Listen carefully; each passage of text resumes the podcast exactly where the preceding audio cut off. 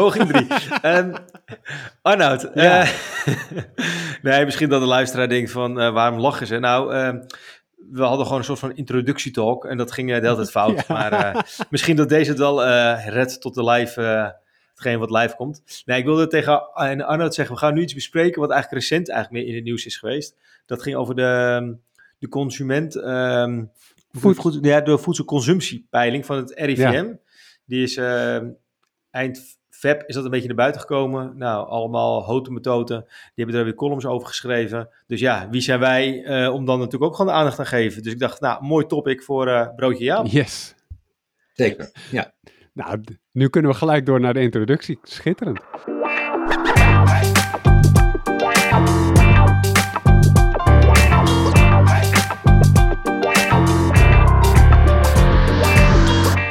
Hey, welkom bij een nieuwe aflevering van een podcast over voeding. In deze podcastserie gaan we in op de wetenschap achter voeding en laten we wetenschappers aan het woord over allerlei thema's die met voeding te maken hebben. Bart Mol van I'm Foodie, zoals altijd, is er weer bij. Je hoorde hem al. Ja, zeker. Fris en fruitig hoor, op uh, deze mooie woensdag. En uh, het is weer een broodje Jaap. Dat betekent dat we Jaap Seidel weer hebben. Hoi Jaap. Hi. Goed jullie weer te zien en te horen. Ja, inderdaad. Broodje Jaap is eh, onze rubriek waarin we binnen een kwartier of net iets meer een actualiteit doornemen. En deze keer, zoals we al even zeiden, ging het over de, gaat het over de voedselconsumptiepeiling van het RIVM. Eh, Jaap, om te beginnen even, wat, wat, is de voedselconsumptiepeiling precies? Ja, de voedselconsumptiepeiling is eigenlijk de enige, het, enige, het enige onderzoek wat in kaart brengt wat mensen in Nederland eten. Uh, en dat doen ze eigenlijk al heel erg lang. De eerste voedselconsumptiepeiling is in 1987 uitgevoerd, toen, toen nog door TNO. En die gebruikte toen een methode dat een heleboel Nederlanders dan drie dagen, een panel, uh, drie dagen lang hun voeding opschreven in een dagboekje. En dat werd dan geanalyseerd en opgeschreven. En dan, ja, dan werd het uitgesplitst naar leeftijd en geslacht en dat soort dingen. En dan krijg je uh, een overzicht van hoe gaat het eigenlijk met de inname van voeding. Want als je dat niet weet, en je weet niet hoeveel mensen bijvoorbeeld voldoen aan de richtlijnen of zoiets dergelijks. Dan weet je ook niet waar je op moet sturen. Waar zitten nou eigenlijk de grote problemen als het om onze voeding gaat? Uh, en die voedselconsumptiepeilingen die worden dus sinds, sinds 1987 periodiek uitgevoerd. Uh, en de laatste jaren zijn die door het RIVM uitgevoerd. Maar omdat dat opschrijven van drie dagen zoveel werk was, en dat is, heel, dat is een hele dure methode natuurlijk, maar wel heel betrouwbaar, is dat vervangen door zeg maar een, ehm, een, een vragenlijst en die soms ook nog telefonisch wordt afgenomen. Um, en ja, dus daar, daar is een hele reeks van. Dus ze zijn nu ook opgeknipt in verschillende leeftijdsgroepen. dus er is eentje voor jongeren en eentje voor middelbare leeftijd en eentje voor ouderen enzovoort. En uh, het nieuws wat er dus nu was, ging over de voedselconsumptiepeiling van de periode 2019-2021. Dus dat is eigenlijk okay. wel 2021 was natuurlijk precies tijdens corona. Um, mm-hmm. En uh, daarin hebben ze 3500 kinderen en volwassenen uh, geïnterviewd eigenlijk over wat ze eten. We hebben het vaker over wetenschap en welke soorten wetenschap uh, betrouwbaarder zijn dan andere. Zelfrapportage, waar staat dat in de betrouwbaarheid van wetenschap? Is dat heel betrouwbaar? Nee, dat staat in, absoluut in de onbetrouwbare hoek. Hè? Dus als je ook kijkt naar alcoholconsumptie en je kijkt naar wat rapporteren mensen dat ze aan alcohol drinken, dan blijkt dat ongeveer twee derde van de alcohol die verkocht wordt in Nederland blijkbaar door de gootsteen gaat, want die wordt helemaal niet gerapporteerd. dus dat, er wordt ontzettend ondergerapporteerd. Uh, dat weten we ook. Hè? En er wordt natuurlijk ook veel sociaal-menselijke antwoorden gegeven. Elke diëtist of elke jeugdarts die weet eigenlijk wel dat als je mensen vraagt wat eet je dan, dan krijg je een prachtig verhaal over uh, altijd groenten en nooit snoep en uh, nou, dat soort zaken. Um, en dat speelt natuurlijk bij dit soort uh, onderzoek altijd een rol. Hè? Dus uh, um, ja, dat je een betrouwbaar beeld uh, krijgt van precies wat mensen eten, dat is denk ik een illusie. Maar je kunt wel het hebben over trends. En daar gebruikt het RIVM het eigenlijk ook vooral voor. Hè? Van als je dan weet dat mensen eigenlijk altijd ja, een beetje sjoemelen met wat ze allemaal opgeven. Als ze al altijd sjoemelen, dan kun je in ieder geval zeggen van ja, ze sjoemelen nou een beetje meer de goede kant op, zou ik maar zeggen. Um, Oké, okay, ja, omdat het altijd ehm, sociaal wenselijk is, kun je het goed vergelijken en dan kun je daar wel een lijn in trekken. Door de ja, ja, nou ja, zo, zo doet het, uh, het, CBS dat ook. Hè? Die vragen naar mensen lengte en gewicht. We weten dat mensen hun gewicht uh, onder, onderrapporteren. Hè? Dus die ronden het af naar 5 of 10 hele kilo's naar beneden. Hè, dus iemand die 78 uh, weegt, die zegt ik weeg 70. En ze overrapporteren, met name de mannen, hun lengte. Dus je bent niet 1,89, mm -hmm. maar 1,90. Weet je wel? Dus, en dan krijg je, als je de, de body mass index uitrekent, krijg je een veel te laag getal. Maar omdat iedereen altijd onderrapporteert, en, eh, qua gewicht, en overrapporteert qua lengte, kun je heel mooie trends maken. Uh, ah ja. En dus dan zie je dat het, uh, de gemiddelde BMI was 23 in 1980 en die is uh, nu 25, zoveel. En, en dat is allemaal gebaseerd op dezelfde soort van onbetrouwbare gegevens, maar ja, trends maken het wel weer betrouwbaar. Ja, en hoe, hoe zeggen we nu dat we eten? Wat zijn de conclusies die het RIVM trekt? Nou, de conclusies uh, deze keer waren helemaal goed nieuws. Hè? Daar hebben de kranten ook breed mee uitgepakt. Hè? Van de Nederlanders zijn gezonder gaan eten. Uh, dat waren bijna alle persberichten. Hè? Nederland eet steeds gezonder. Lees ik hier persbericht voor. Meer plantaardig en minder rood en bewerkt vlees. Uh, meer groente en fruit. meer ongezouten noten en peulvruchten enzovoort. En minder frisdrank. Dus dat is allemaal heel goed nieuws. Um, en dat, dat was ook eigenlijk, hebben we ook nodig in sombere tijden, dat het ook wel eens goed nieuws is. Dus daar. En de, de kranten hebben eigenlijk allemaal vrij kritiekloos dat zo, die conclusies ook zo overgenomen. Maar als je zelf. Ik ben, ben, dus wat meer sceptisch over uh, met name voedingsonderzoek, omdat ik zelf heb gemerkt hoe lastig dat is. En uh, we weten ook in de tijd dat het voedingscentrum enorm hamerde over dat vet slecht was had je de Let op Vet campagne gedurende de jaren, begin jaren 90. Toen zag je ook dan die voedselconsumptiepeiling, dat naarmate mensen weer meer werden ondervraagd over wat eet je, dan zeiden ze vooral dat ze minder vet waren gaan eten. Maar de verkoop van vetten, oliën en dat soort dingen, die bleef gewoon hetzelfde. Uh, en dat geldt een beetje hetzelfde voor, hè, we weten nu dat mensen rapporteren, nu is er veel discussie over, we eten te weinig groente en fruit en we moeten niet zoveel vlees eten. En dat is nou precies wat mensen ook rapporteren. Terwijl de verkoop van vlees, hè, dus de, wat, wat, de, wat de slagers vertellen dat ze verkopen in de supermarkten en al dat soort zaken.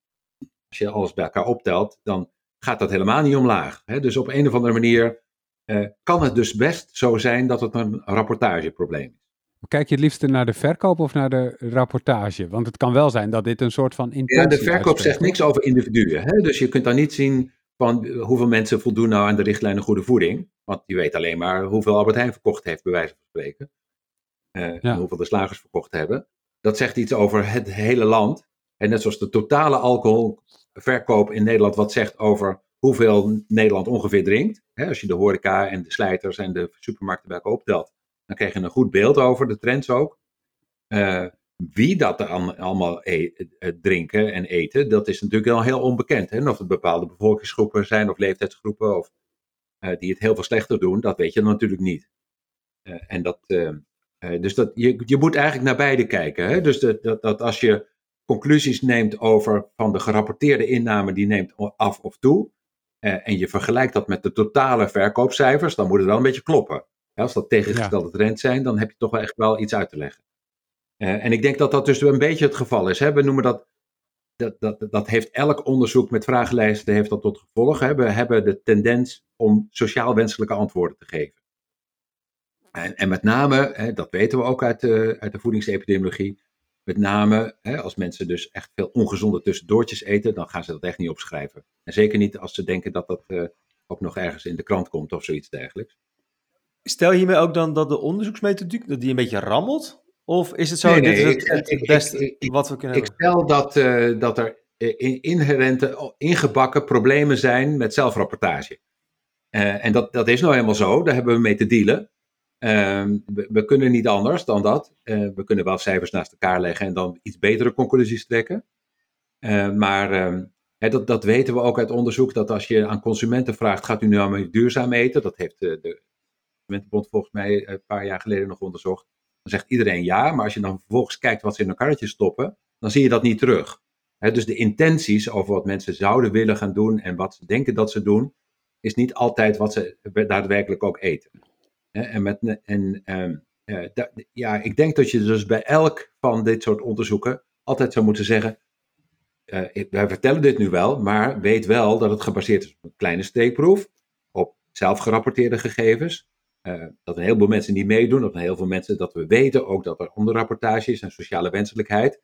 Dus, weet je, maar dat maakt natuurlijk heel onleesbaar uh, krantenartikel. Hè? Dus als je de nuance steeds in de pers van de wetenschap vermeldt, dan denkt iedereen, ja, we weten dus niks, we weten dus niks. Dus dat is een, een dilemma van de, zou ik maar zeggen, elke wetenschapper, maar met name ook voedingswetenschappers. Uh, ga je nou elke keer, bij elke keer als je wat zegt, allemaal nuanceren en zeggen dat je het ook allemaal niet zeker weet en dat het best wel eens anders kan wezen. Uh, en dat je toch wel een idee hebt hoe het uh, wel zou zitten, maar dat het best anders kan zijn. of ga je op een bepaald moment zeggen, nee, dit, dit, dit is wat het is. En dat is, ehm, ik trek een stevige conclusie. En dat gebeurt dus ehm, als ik zelf kijk naar die krantenartikelen die verschenen zijn, ik heb ze nog even bijgehaald, dan staan daar eigenlijk geen kritische kanttekeningen bij. Hè? Nederland eet steeds gezonder. Uitroepteken. Um, en als je dan werkelijk kijkt naar de cijfers, nou, dan weet je dat de methodologie een beetje shaky is. Ten tweede weet je ook dat eigenlijk die trends die ze vinden, zijn maar heel klein. Dus maar een heel klein beetje meer groente gegeten. En een heel klein beetje minder vlees gerapporteerd. Um, en een heel klein beetje minder frisdrank uh, uh, gerapporteerd. Uh, dus ja, dat, je, je moet eigenlijk altijd heel goed kijken, dat leer ik mijn studenten ook altijd. Ga terug naar de bron, ga kijken hoe ze het onderzocht hebben, wat nou echt werkelijk de conclusies waren, welke nuanceringen de onderzoekers zelf aangebracht hebben. En ga dan je mening vormen en trek een conclusie. Maar we gaan vooral niet af op wat de kranten schrijven. Kan het wel op lange termijn, ja, schade klinkt een beetje eh, zwaar, maar dan kan ik me wel voorstellen dat, dat dan ook uh, de gemiddelde consument al wat is dan gemiddeld als je nu wel kan zien over de hele Nutri-score discussie, dan kan je ook weer vragen, ja, iedereen eet toch al gezond? Nou, dan wordt het weer een soort van tegen je gebruikt. Dan denk je, ja, waarom moeten we dan meer gaan uh, betuttelen met meer regels of met meer wetgeving of duidelijke kaders? Nou ja, ik denk dat de, de, de conclusie die ik trek, hè, de wetenschappers geven, en dat doet het RIVM ook, geven allerlei nuanceringen en slagen om de armen aan. Uh, de consument vertrouwt alles op wat er in de krant staat. Uh, ook steeds minder overigens, doordat ze natuurlijk wel eens de plank misslaan. Maar ik denk dat we dus vooral heel veel behoefte hebben aan, als er um, artikelen verschijnen in de krant en een wetenschapsjournalist schrijft dat op, dat hij even kritische vragen stelt en even goed kijkt van wat kan je, kan je wel en niet zeggen.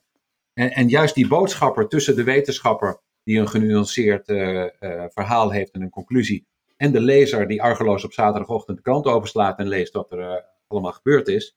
daar heb je dus een wetenschapsjournalist tussen nodig die echt ook heel kritisch is.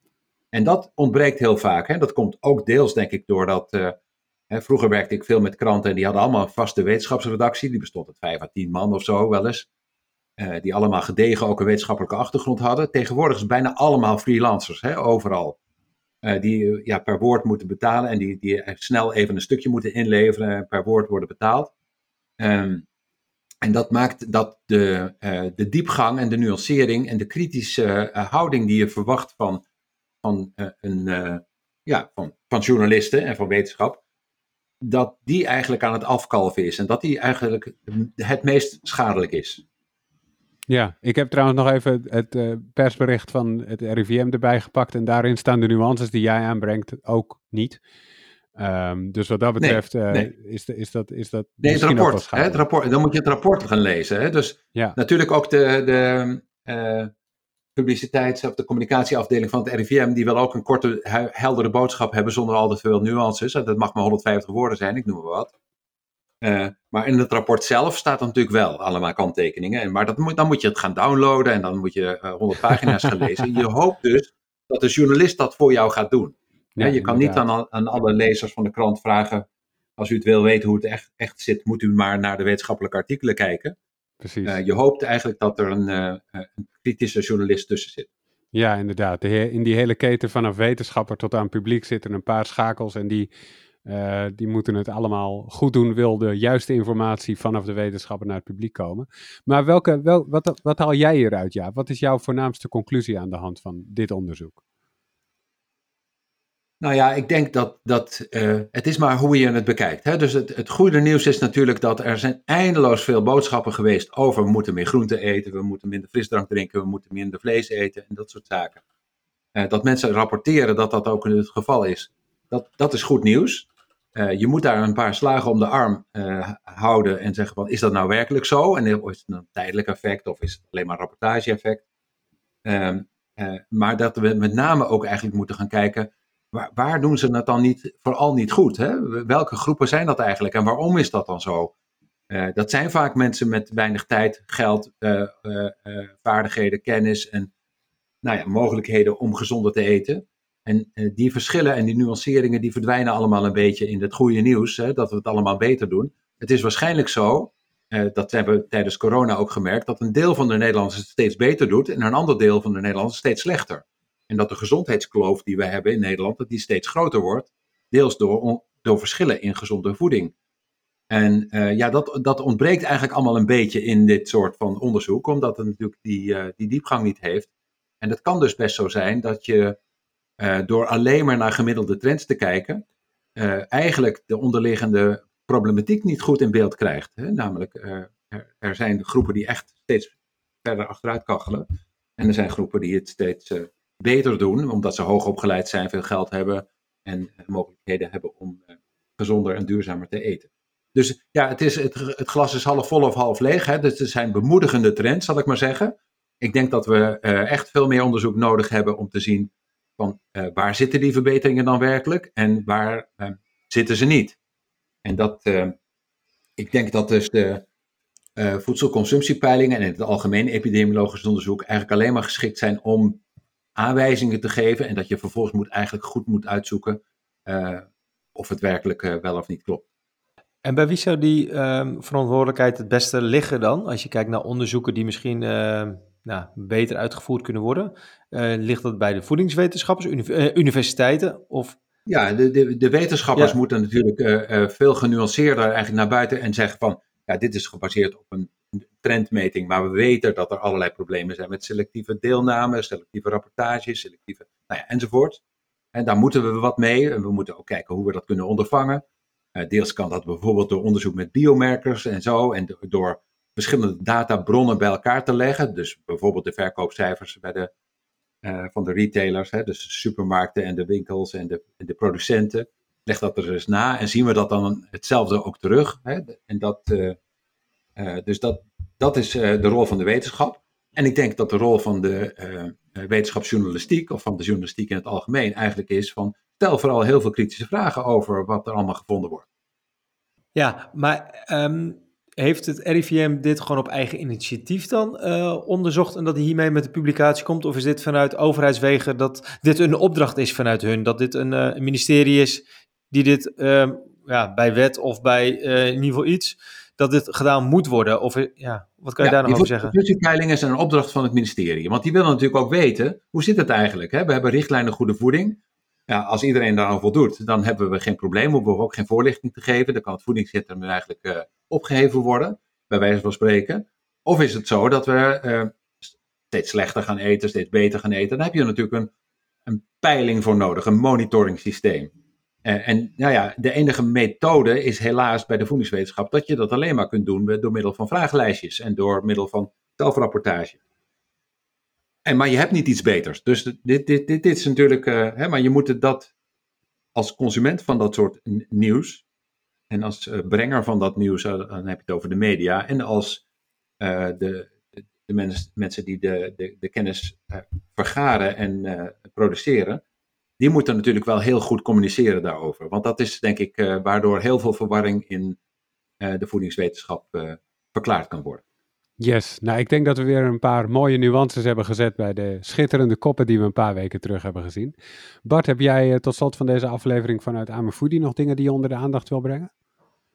Nou, en geheel in lijn met dit onderwerp zou ik zeggen van uh, zoek je nog een, een lekkere uh, inspiratievolle manier om uh, meer groente of uh, ja, minder vlees te eten, check ons boek Eet als een expert partytime. check snel de show notes, er staat een mooie kortingscode. Dus ren naar de online shop, gooi hem in je winkelmandje en binnen twee, drie werkdagen heb je het boek in huis en kan je gelijk vol aan de slag.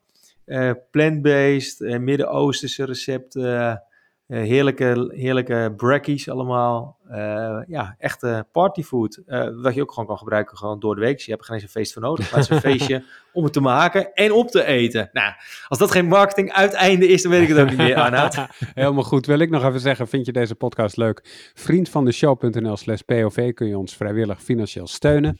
Helpt ons om nog meer mooie afleveringen te maken waarin we nog meer nuances kunnen zetten bij uh, alles wat in de actualiteit gebeurt op het gebied van voedingswetenschap. Uh, dankjewel Bart. Ja, het was me weer een genoegen. Tot volgende week, Arnoud. En dankjewel Jaap. Ja, ook graag gedaan. En tot de volgende keer. Yes, tot de volgende keer. Dankjewel voor het luisteren. Hoi hoi. Hoi hoi, later.